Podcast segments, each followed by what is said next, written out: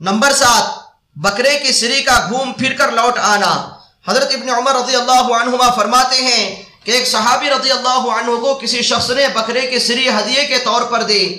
انہوں نے خیال فرمایا کہ میرے فلاں ساتھی زیادہ ضرورت مند ہیں، کنبے والے ہیں۔ وہ اور ان کے گھر والے زیادہ محتاج ہیں، اس لیے ان کے پاس بھیج دی۔ ان کو ایک تیسرے صاحب کے متعلق یہی خیال پیدا ہوا اور ان کے پاس بھیج دی۔ غرض اسی طرح سات گھروں میں پھر کر وہ سری سب سے پہلے صحابی رضی اللہ عنہ کے گھر لوٹ آئی فائدہ، اس قصے سے ان حضرات کا عام طور سے محتاج اور ضرورت مند ہونا بھی معلوم ہوتا ہے۔ اور یہ بھی کہ ہر شخص کو دوسرے کی ضرورت اپنے سے مقدم معلوم ہوتی تھی۔